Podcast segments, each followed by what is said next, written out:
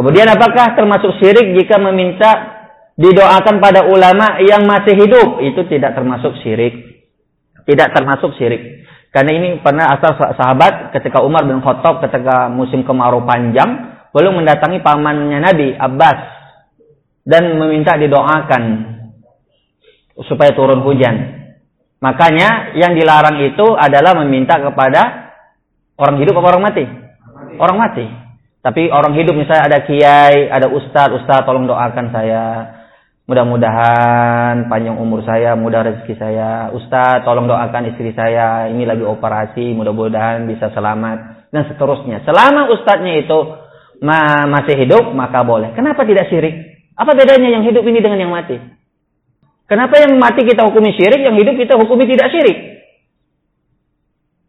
Kan bisa bertanya begitu, sama-sama meminta aja Ustaz. Cuma bedanya satu hidup, satu mati. Apa apa yang menyebabkan yang hidup kita hukumi tidak syirik, yang mati kita hukumi syirik?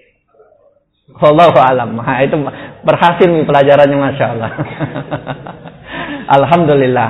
Ilmu itu biar satu-satu kalau diamalkan Masya Allah. Jawabannya, karena yang masih hidup itu mampu melakukannya. Kalau dia ini ustadz atau syekh atau kiai ketika kita minta doa, dia mampu tidak melakukannya? Mampu. Disuruh berdoa, dia berdoa. Mampu dia melakukannya. Tapi yang orang mati mampu tidak dia melakukannya?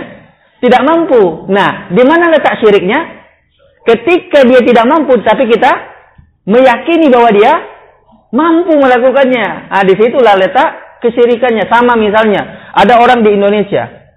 Kemudian dia hampir ditabrak atau dia di mau di apa ya misalnya mau di dibunuh oleh orang, dikejar sama orang. Dia meminta, ya Abdul Qadir Jailani.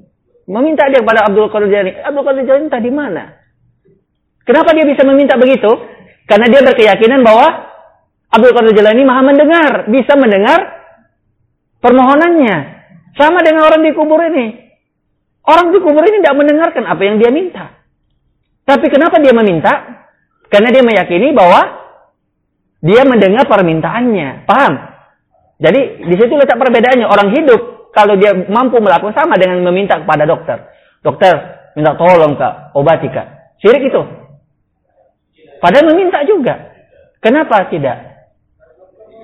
Karena dia mampu melakukannya. Dia obat semua atau tidak urusannya Allah. Tapi dia mampu tidak mengobati? Mampu. Ah, kalau orang mati tidak mampu. Makanya di situ letak kesyirikannya.